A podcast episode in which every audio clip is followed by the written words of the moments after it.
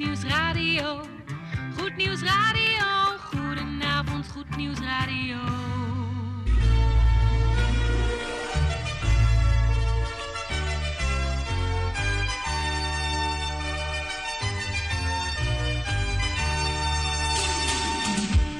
Luisteraars in Amsterdam, in Apkoude, in Diemen, in Landsmeer, in Oostzaan, in Duivendrecht, in Oudekerk, in Purmerend, in Weesp, in Zaanstad, in Zeevang, in Nichtenvecht op 107.4 FM op de kabel. En wereldwijd zijn we ook te ontvangen via www.salto.nl, via Mokum Radio. Dit is Goed Nieuws Radio.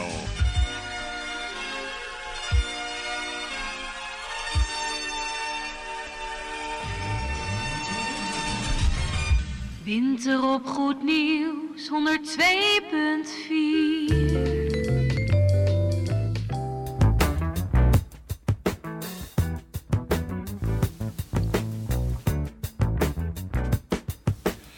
Zo luisteraars, een hele goede avond en eh, welkom bij eh, Goed Nieuws Radio. Even een hele andere begintune. En waarom? Omdat eh, dit komende uurtje gewijd is aan de jaren 50. Dat waren de mooiste jaren die Nederland eh, heeft gekend. Dat is er misschien niet, maar eh, een jaar of zeven geleden is er een onderzoek geweest tussen eh, jongeren en ouderen. En de ouderen hebben natuurlijk de jongeren weer verteld over hun generatie, wat ze hebben meegemaakt. Maar in de jaren 50, dat was een periode waar iedereen heel graag naar terug wil. Naar die mentaliteit en naar die mooie tijd. Naar die tijd van rust en vrede in Nederland. En het komend uurtje gaan we daar lekker met elkaar naar luisteren. We draaien ook platen uit die tijd die heel veel eh, werden gezongen in diverse kerkgenootschappen. En natuurlijk, is natuurlijk eh, gaan we ook seculaire plaatjes draaien die eh, bij de jaren 50 passen. Hier in de studio zit alleen Geert van Dijk. Tante Erna is lekker vrij en Jan Meijerink ook. Vandaar dat dit programma hebben gedoopt tot muziek en programmafragmenten uit de jaren 50. We gaan beginnen met Joken.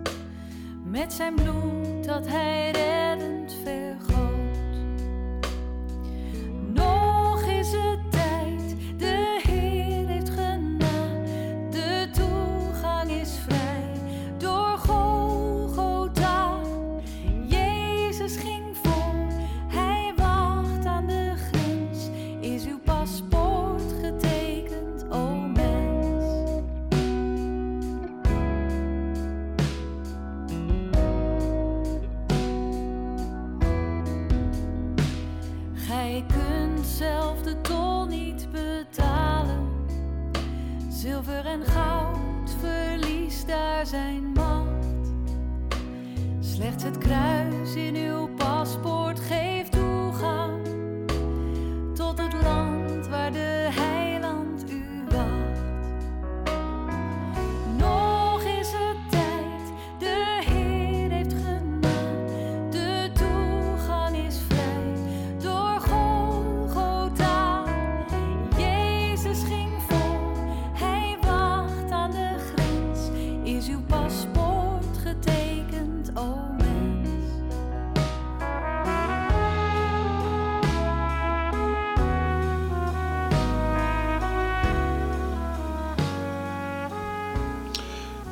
deze opname in dit uurtje bij Goed Nieuws Radio. De opname van Joke Buis. Is uw paspoort getekend?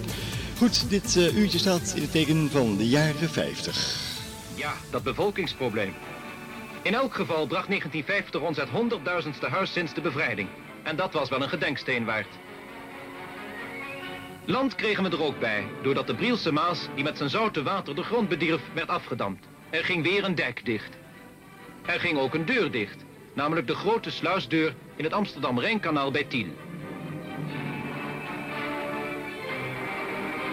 Maar er waren ook sluisdeuren die open gingen.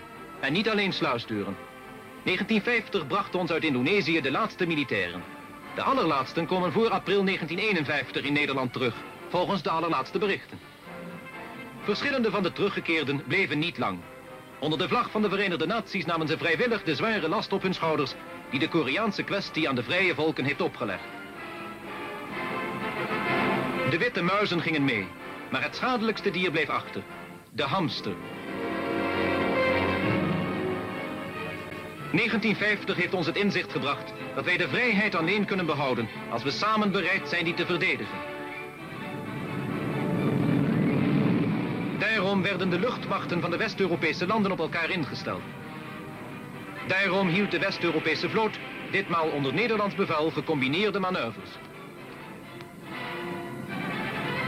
Daarom besloot Nederland het volle gewicht te dragen van het aandeel dat het moet leveren in het Atlantische leger dat onder bevel werd gesteld van generaal Eisenhower, omdat we er niet voor voelen naar andermans pijpen te dansen.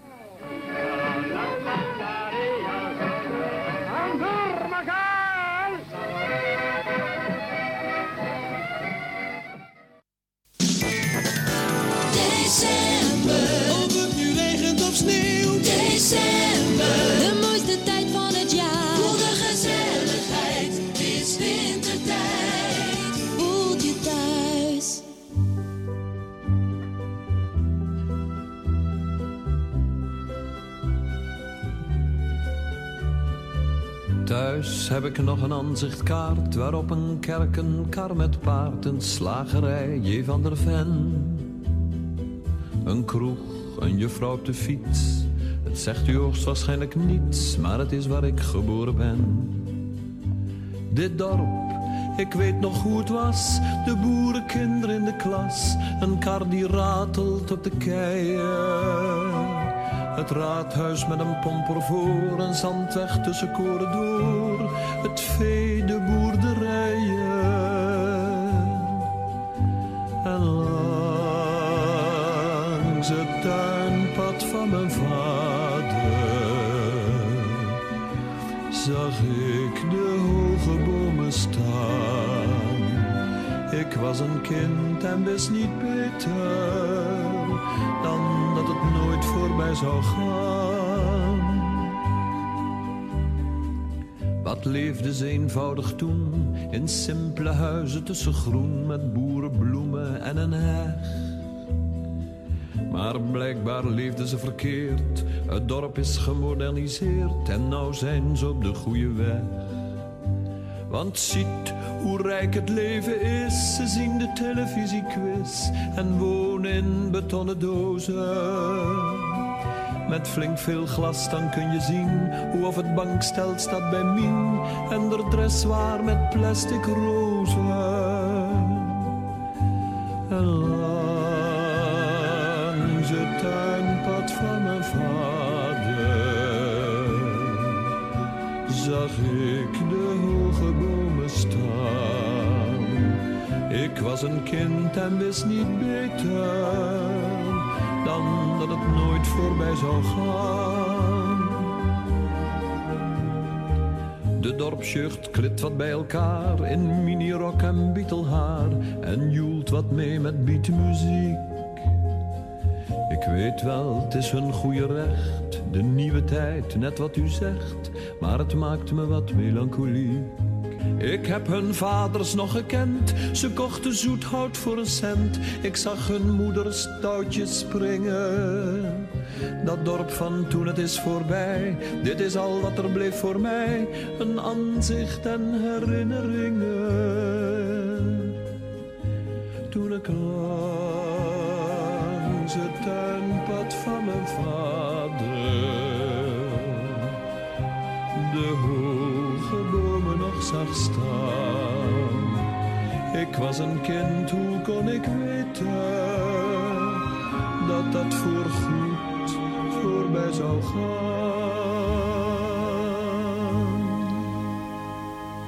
Die goede oude tijd, de jaren 50. Wim Zonneveld die zong daarvan met eh, het dorp zoals het inderdaad vroeger was in de jaren 50.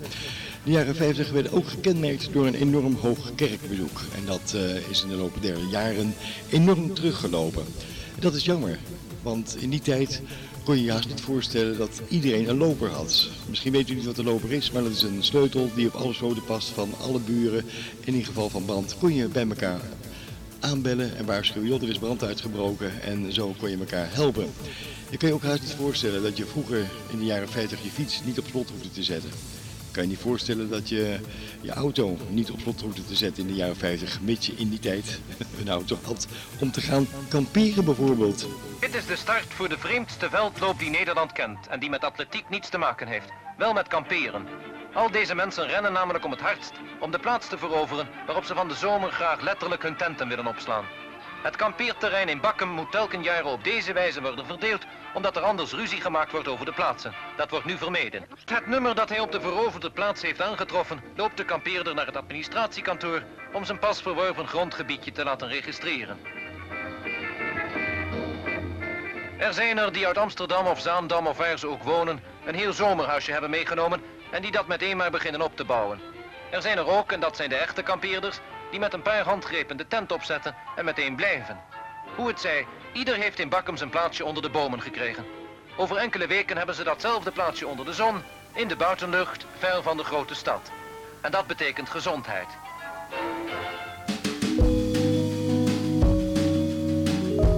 En zo ging dat in 1951. Misschien heeft u dat nog wel meegemaakt, dat u moest rennen om een kampeerplaatje in Bakkum. Oh, lang geleden.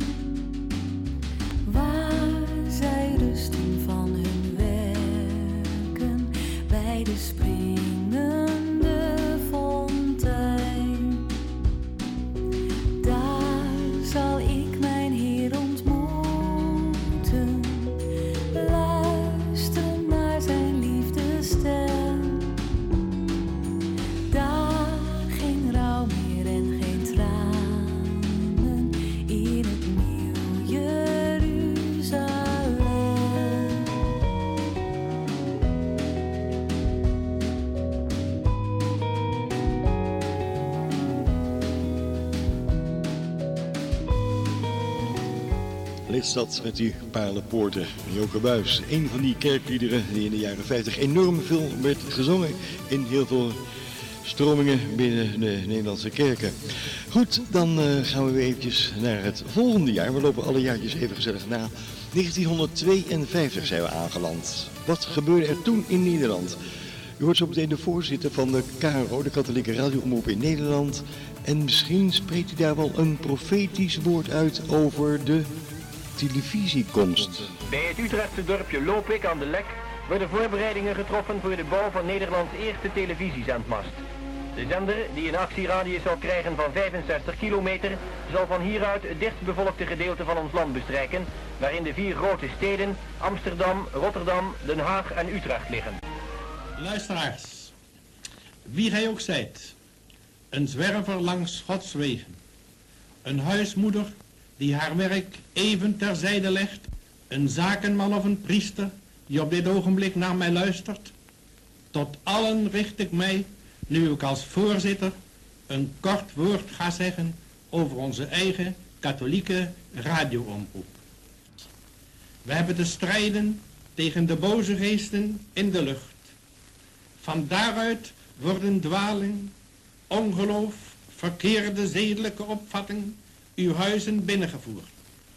Daarom moet onze katholieke radioomroep voor u allen zijn en blijven een vriend en een huisgenoot. Ja, zo hoog is de mast van de experimentele televisiezender bij Lopik. 200 meter. Daarboven wordt een antenne gemonteerd van nog eens 23 meter. Stevige staaldraden, afvangtuigen genaamd welke verankerd zijn in zware betonblokken, houden het gevaarte dat 120.000 kilo weegt op zijn plaats.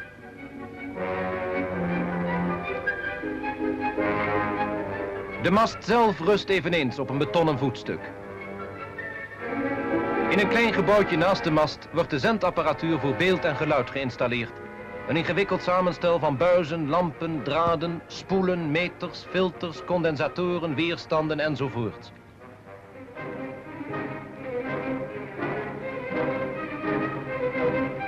De montage van de zendmast kon alleen geschieden door mensen met een ijzeren zenuwgestel.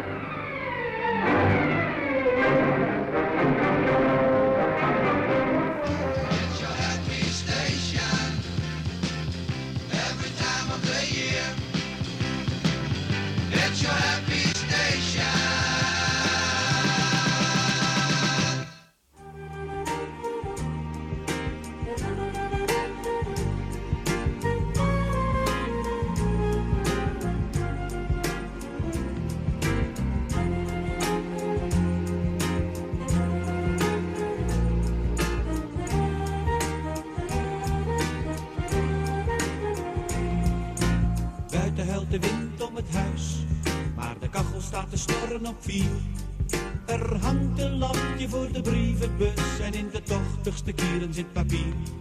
We waren heel erg arm en niemand hield van ons.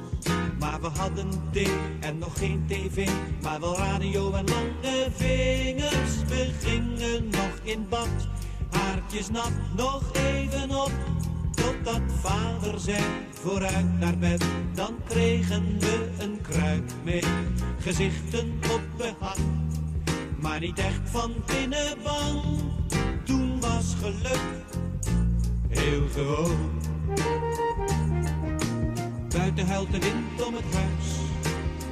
Breidt een warme sjaal. En het ganzenbord op tafel stond er de volgende morgen nog helemaal. Ook gingen wij naar bos, daar zijn we toen verdwaald. Van de weg geraakt, carrière gemaakt, heel die pannenkoeken smaak vergeten. En Nederland herrees, onder de race van die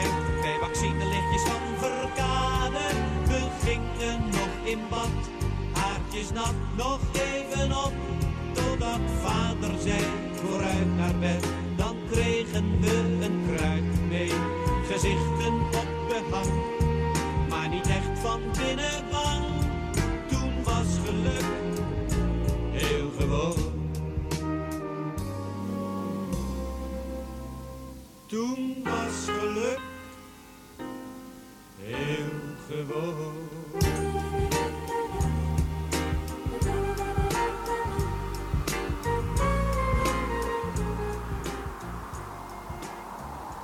En dat was Geert Cox met Toen was geluk heel gewoon.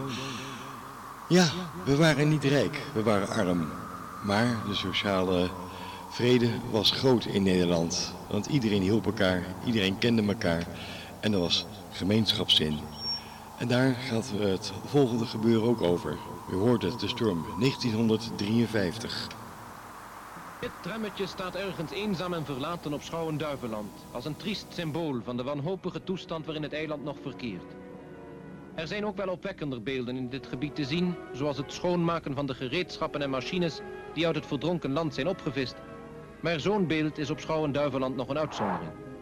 Elk stormpje van enige betekenis, en er zijn er al een paar geweest in de afgelopen weken, veroorzaakt telkens nog nieuwe doorbraken in de toch al zo zwakke binnendijken. Het lijkt een onbegonnen werk om te trachten de krachtige watervloeden tegen te houden. Maar de mannen op Schouwen-Duiveland werken als duivels om de gaten weer te dichten. Aan de Schouwse dijk van Zierikzee naar Brouwershaven, die het eiland in tweeën deelt, is de situatie dagenlang kritiek geweest. Deze dijk beschermt een nog droog gebied van meer dan 4000 hectare. Als hij het zou begeven, dan zou het hele eiland aan het water ten prooi vallen. Het vloedwater dat door het grote gat bij Schelphoek met kracht de polder binnenstroomt, liep opgezweept door de harde wind onophoudelijk storm tegen deze smalle zanderige dijk, die nu zeewering is geworden. Dagenlang zijn honderden dijkwerkers, later bijgestaan door militairen, in de weer geweest om de dijk te behouden en tot dusver met succes. Maar nog altijd is het gevaar niet geweken. Een nieuwe storm die in dit jaargetijde helemaal niet tot de onmogelijkheden behoort, kan het water zo hoog opvoeren dat de dijk het niet meer houdt. Op vele plaatsen in het rampgebied is de wederopbouw al begonnen. Op Schouwen-Duiveland is men daar helaas nog niet aan toe. December. Heel Nederland is weer in de ban geweest van de Elfstedentocht.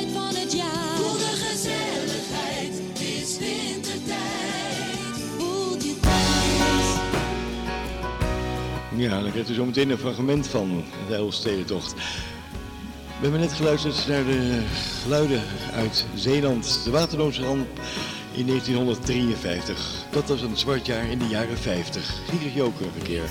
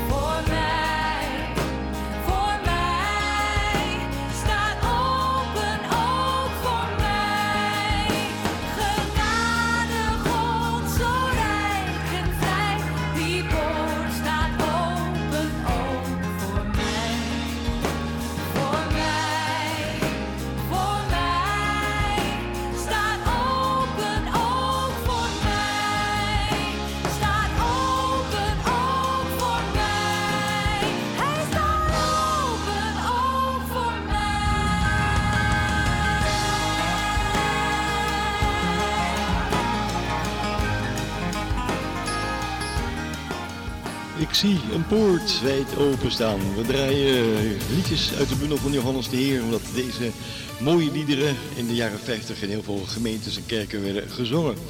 Goed, ehm, we gaan naar 1954. Ja, wat was dat een happening? Weet u het nog? De Elfstedentocht. Heel Nederland is weer in de ban geweest van de Elfstedentocht. De schaatsmarathon over een afstand van 200 kilometer langs elf steden in Friesland. De 138 wedstrijdrijders werden in de vroege ochtend om 6 uur precies in Leeuwarden gelost... bij lichte noordoostelijke wind en matige vorst. Ze begonnen met een sprint van 100 meter naar de aanbindplaats op het ijs... waar het organisatiecomité banken had neergezet. In het licht van schijnwerpers en magnesiumfakkels bonden ze haastig de schaatsen onder of trokken de schoenen met noren aan. Er heerste in deze ogenblikken op het Van Haringsma-kanaal een jachtige bedrijvigheid. Elke seconde was hier al kostbaar. Binnen vijf minuten na de start uit de loods stortten de eerste rijders zich al in de duisternis naar Sneek. Allen hadden zich behoorlijk ingepakt, want al was de kou minder streng dan verwacht werd en al blies ook de wind niet zo hard. Een temperatuur van 10 graden onder nul is toch nog altijd geen pretje. Een half uur na de wedstrijdrijders vertrokken de toerrijders en die deden het al direct wat kalmer aan. Hun is het alleen om de prestatie begonnen. Toen de zon de ochtendhemel verlichtte, hadden de wedstrijdrijders al meer dan 50 kilometer onder de schaatsen weggeduwd. Dat kwam enerzijds door het bijzonder milde weer in vergelijking met 1947, anderzijds doordat er in de kopgroep sterke rijders zaten die er hard aan trokken, zoals dat heet. De rijders haasten zich over stro naar de stadsgracht om een zo gunstig mogelijke positie te verkrijgen voor de eindsprint. In het gedrang dat ontstond geraakte Verhoeven uit balans. Garcius kwam te vallen. Maar Jeen van den Berg, een jonge Friese onderwijzer uit Nijbeets, liet zich niet van de wijs brengen. En hij was het die onbedreigd en toegejuicht door de duizend toeschouwers als winnaar door de finish kwam. De negende Elfstedenwedstrijd werd verreden met een gemiddelde snelheid van bijna 27 km per uur in de nieuwe recordtijd van 7 uur en 35 minuten.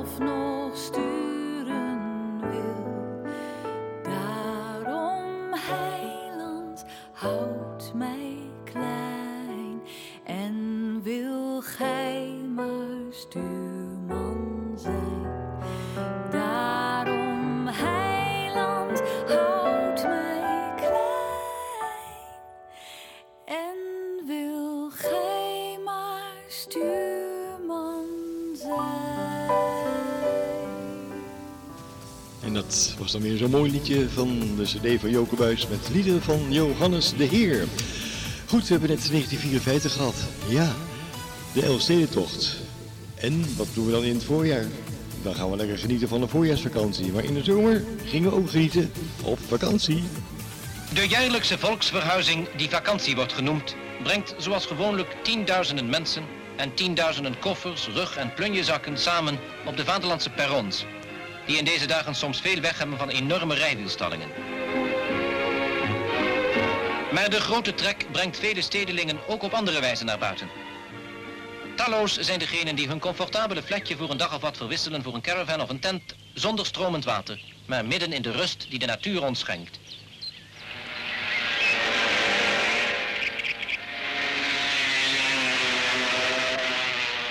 Duizenden zoeken hun ontspanning langs of op het water. Steeds groter wordt het aantal Nederlanders dat zijn hoogste plezier vindt in een zeilvakantie. Het motto vlieger is uit geldt niet alleen voor hen die zich een luchtreisje kunnen permitteren, maar ook voor de vliegtuigbezitters die op de grond blijven. Om daar de stadsjeugd te laten genieten van de aanblik van lijnbestuurde modellen.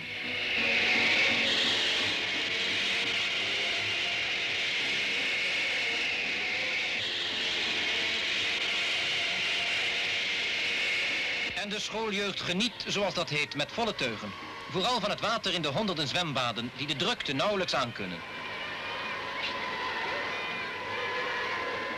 Wie het hele jaar in de vrije natuur verkeert, gaat in de vakantie graag naar de grote stad. Waar vele dieren te zien zijn die sinds enige tijd niet meer tot de Nederlandse fauna behoren. Dagelijks geven de chimpansees van een onze grootste dierentuinen op indrukwekkende wijze les in goede tafelmanieren.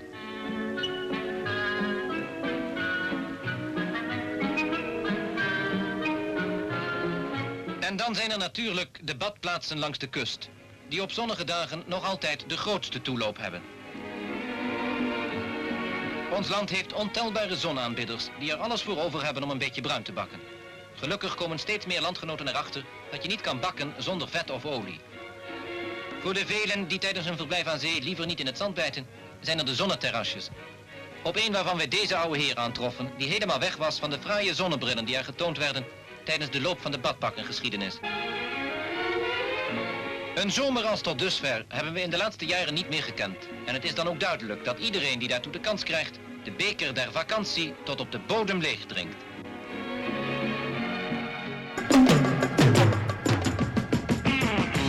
Dit is Goed Nieuws Radio met muziek in de winter.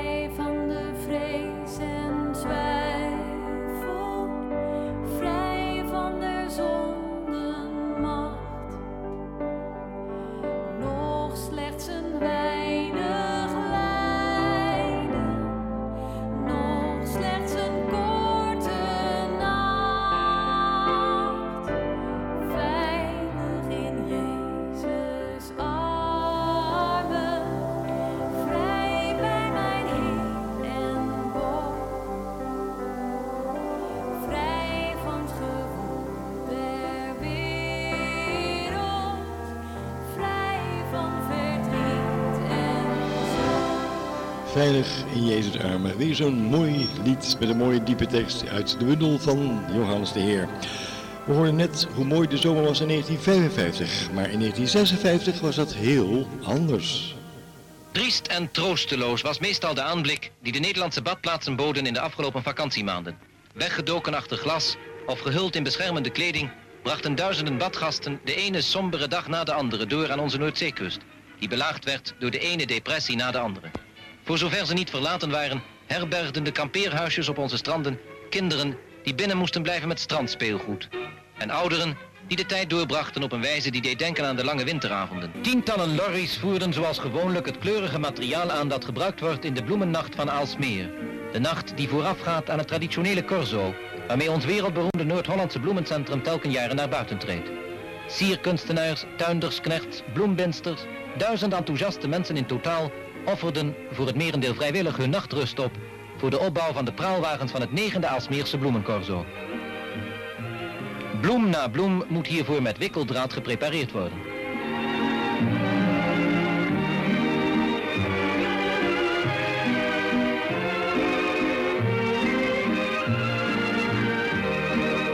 Met mierenijver en monnikengeduld wijden de Aalsmeerse dienaressen van de bloemengodin Flora zich 21 uur lang aan dit fleurige werk.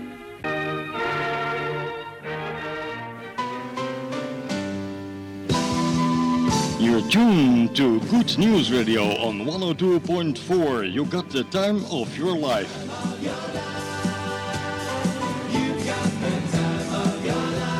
The time of your life on Good News Radio with love, peace, and good gospel music. This is the time of your life.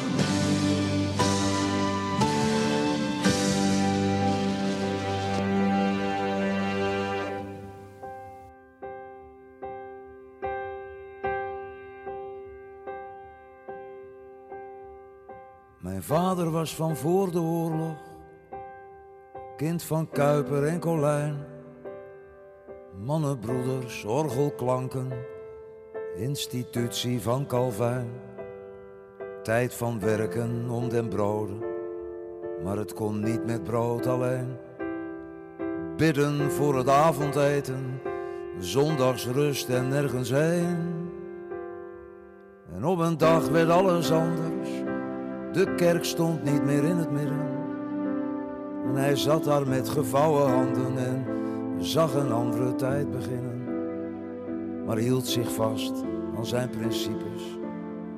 Man van daden bij het woord. Man van houvast en tradities. Samen zingen in een koor. Toen was geloof heel En onweerlegbaar was de waarheid van de vader en de zoon. Toen de schaduw van de oorlog langzaam wegtrok uit dit land. Land van wolken en van woorden, land van God en middenstand.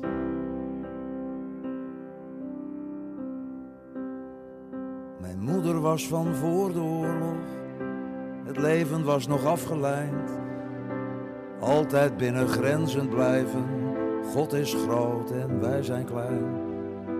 Heel het leven stond geschreven, van de wieg tot aan het graf.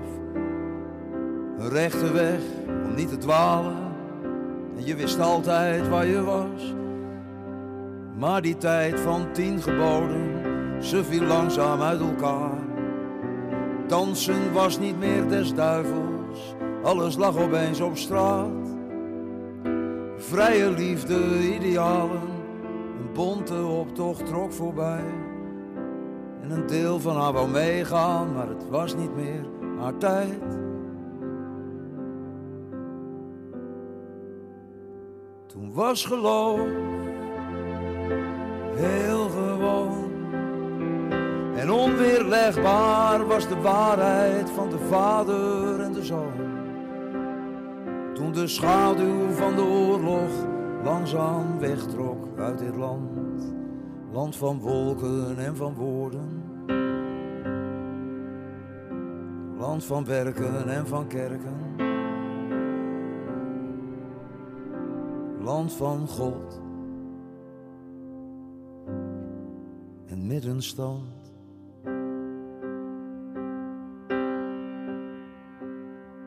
Toen was geloof heel gewoon.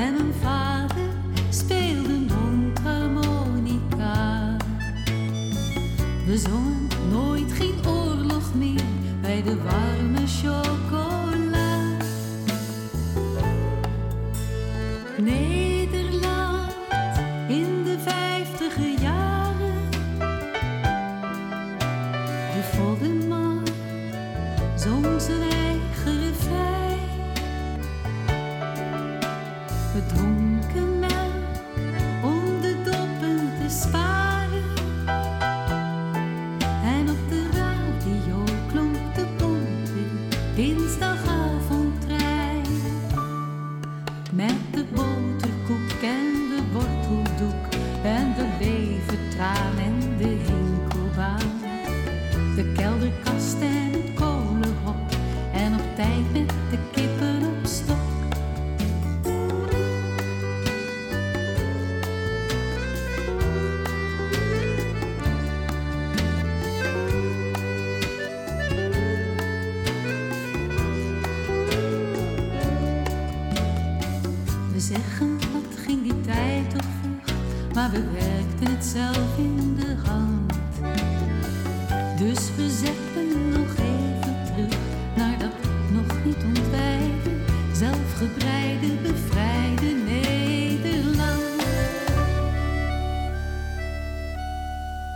was geloof heel gewoon in het bevrijde Nederland in de jaren 50, gezongen door Ellie en Rickert.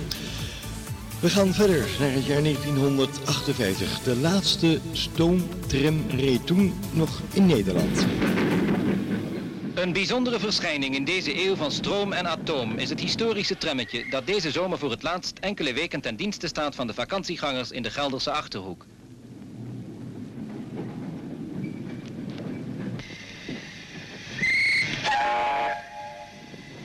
Als in vervlogen tijden rijdt dit trammetje driemaal per dag heen en weer tussen Doetinchem en Doesburg.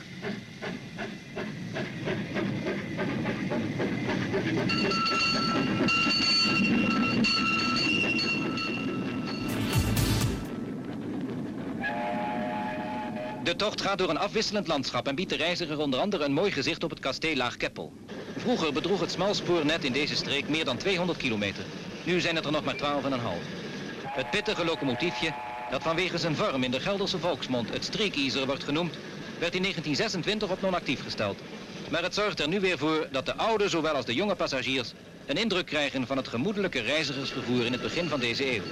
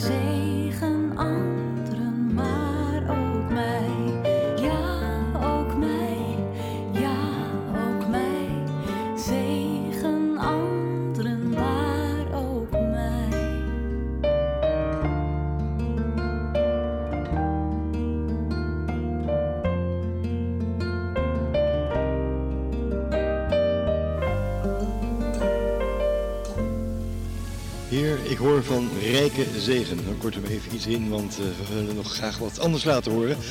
Dat was ook uit de buddel van Johannes de Heer, gezongen door Joke Buis. We gaan naar 1959, het, jaar, het laatste jaar van de jaren 50.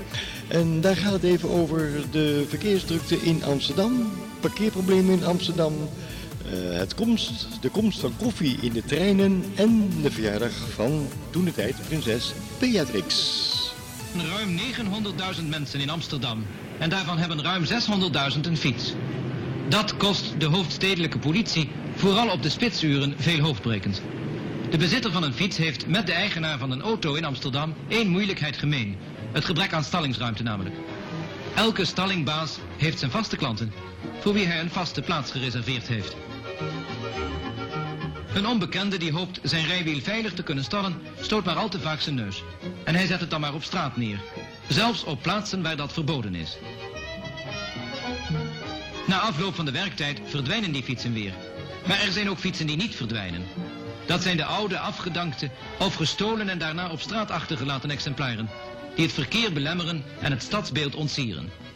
Sedert enige tijd voert het Bureau ter voorkoming van misdrijven van de Amsterdamse politie een actie om de straten te ontdoen van deze afdankertjes.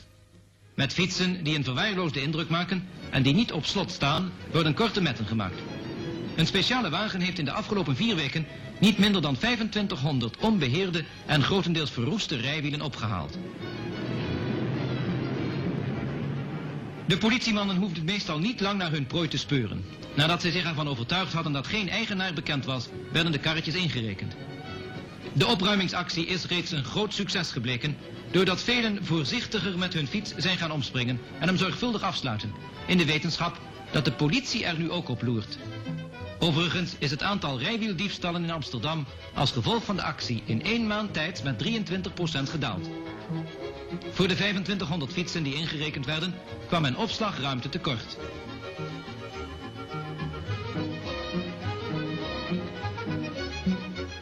De politie kon maar 100 eigenaars opsporen, doordat de frame-nummers van de gestolen fietsen bekend waren.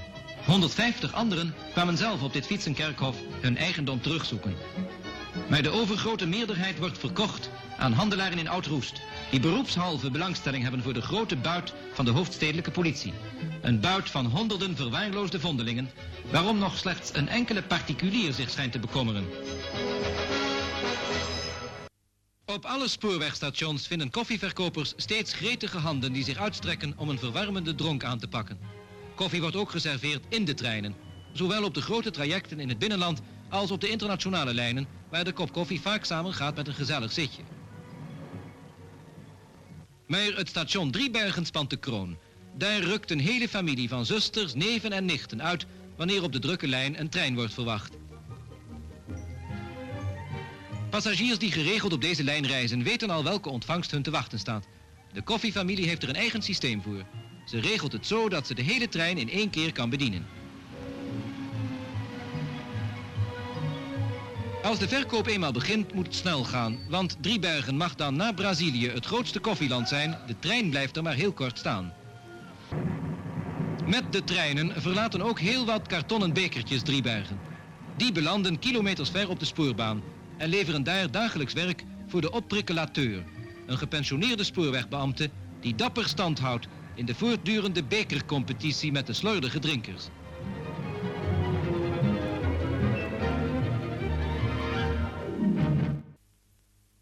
De marechaussee voor Paleis Soestdijk had zich in ceremonieel tenue gestoken op de 21ste verjaardag van haar koninklijke hoogheid prinses Beatrix.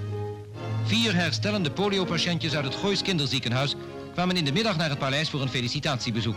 En ze kwamen niet met lege handen. Hun cadeau, een taart met 21 kaarsjes, werd door een lakij voorzichtig naar binnen gebracht. De jarige prinses, die beschermvrouw is van het poliofonds dat haar naam draagt, was vooral met dit geschenk dat haar namens het fonds werd aangeboden, bijzonder ingenomen. Zij hielp de kleintjes bij het aansteken van de kaarsjes. Als we ons realiseren dat prinses Beatrix op deze dag meerderjarig werd, dan denken we onwillekeurig terug aan de vreugde waarmee het hele volk in 1938 de jonggeborene begroette. Veilig bij haar ouders begon het leven voor de prinses. De eerste kleuter van Nederland groeide op, precies als alle kleuters, met vallen en opstaan.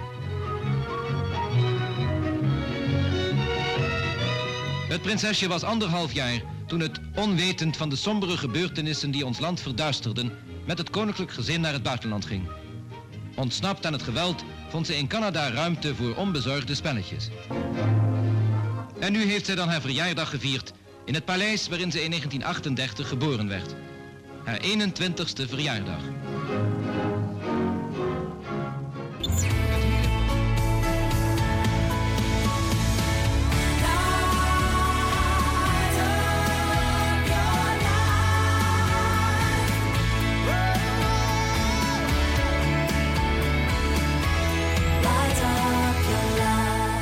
Zo, we hebben eventjes het afgelopen uurtje de jaren 50 doorlopen. Hoe ziet de toekomst eruit? Daar gaat dit volgende nummer over. In the year 2525, if man is still alive, if woman can survive, they may find.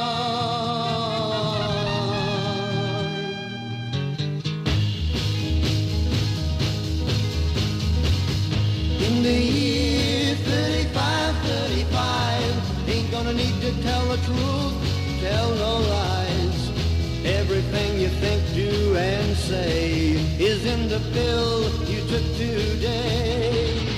In the year 45, 45, ain't gonna need your teeth, won't need your eyes. You won't find a thing to chew. Nobody's gonna look at you. In the year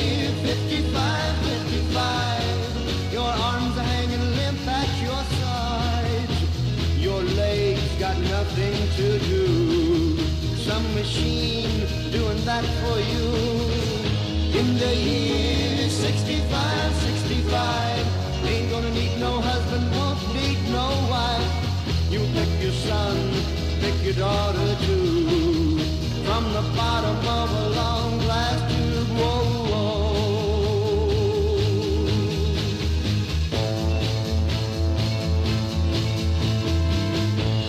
the year 75, 10, if God's a he ought to make it by then.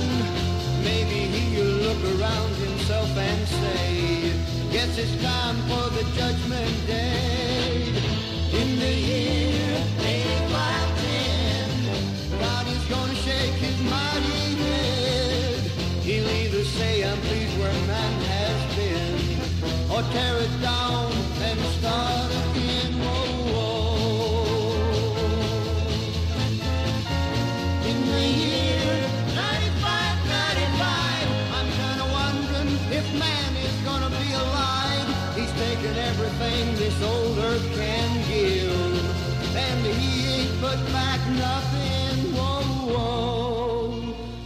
it's been 10,000 years, man has cried a billion tears for what he never knew. Now man's reign is through, but through eternal night, the twinkling of starlight, so very far away, maybe it's only yesterday.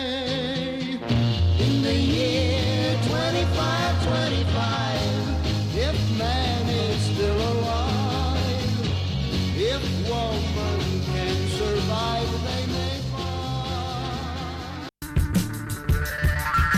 Dit is Gospel. Dit is de beste voor jong en oud. Het station van Dio, het werk is weer gedaan. Dat was het dan weer tot de volgende keer. Zo, beste luistervrienden, één uur lang zijn we teruggedoken in de jaren 50. Eind jaren 90 werd er een onderzoek gedaan onder de Nederlandse bevolking in welke tijd ze het liefste zouden willen leven. Dat werden de jaren 50. Zowel door jongere mensen als door oudere mensen werd dit eh, genoemd. Dat de jaren 50 toch wel de mooiste jaren waren die Nederland heeft gekend na de wederopbouw, na de oorlog. We hebben even teruggedoken in de tijd. Een jaar eh, 50 waarin de kerken nog vol zaten met eh, duizenden Nederlanders en uh, luisteren naar iedere zondag naar de predikaties. Tegenwoordig lopen de kerken leeg. Gelukkig is ook wel weer een uh, groep die aantrekt. Dat zijn de evangelische gemeentes. Daar zijn we ook blij mee dat de kerken ook weer hier daar gaan vollopen. Goed, we willen even terug in de tijd toen Nederland nog niet werd overstelpt door overvallen, schietpartijen, steekpartijen zoals we dat de laatste tijd allemaal in het nieuws horen. En we willen eigenlijk het liefste in ons hart allemaal weer terug naar de sfeer, naar de mentaliteit en de samenhorigheid van de jaren 50. En dat blijkt uit een opinieonderzoek van een aantal jaren geleden. Nou, dat is toch wel heel bijzonder. Als we dat nou allemaal zouden doen in de praktijk, zou Nederland er weer helemaal uitzien Qua mentaliteit althans, als in de jaren 50. Wens u een fijne avond verder en graag tot volgende week. Dag.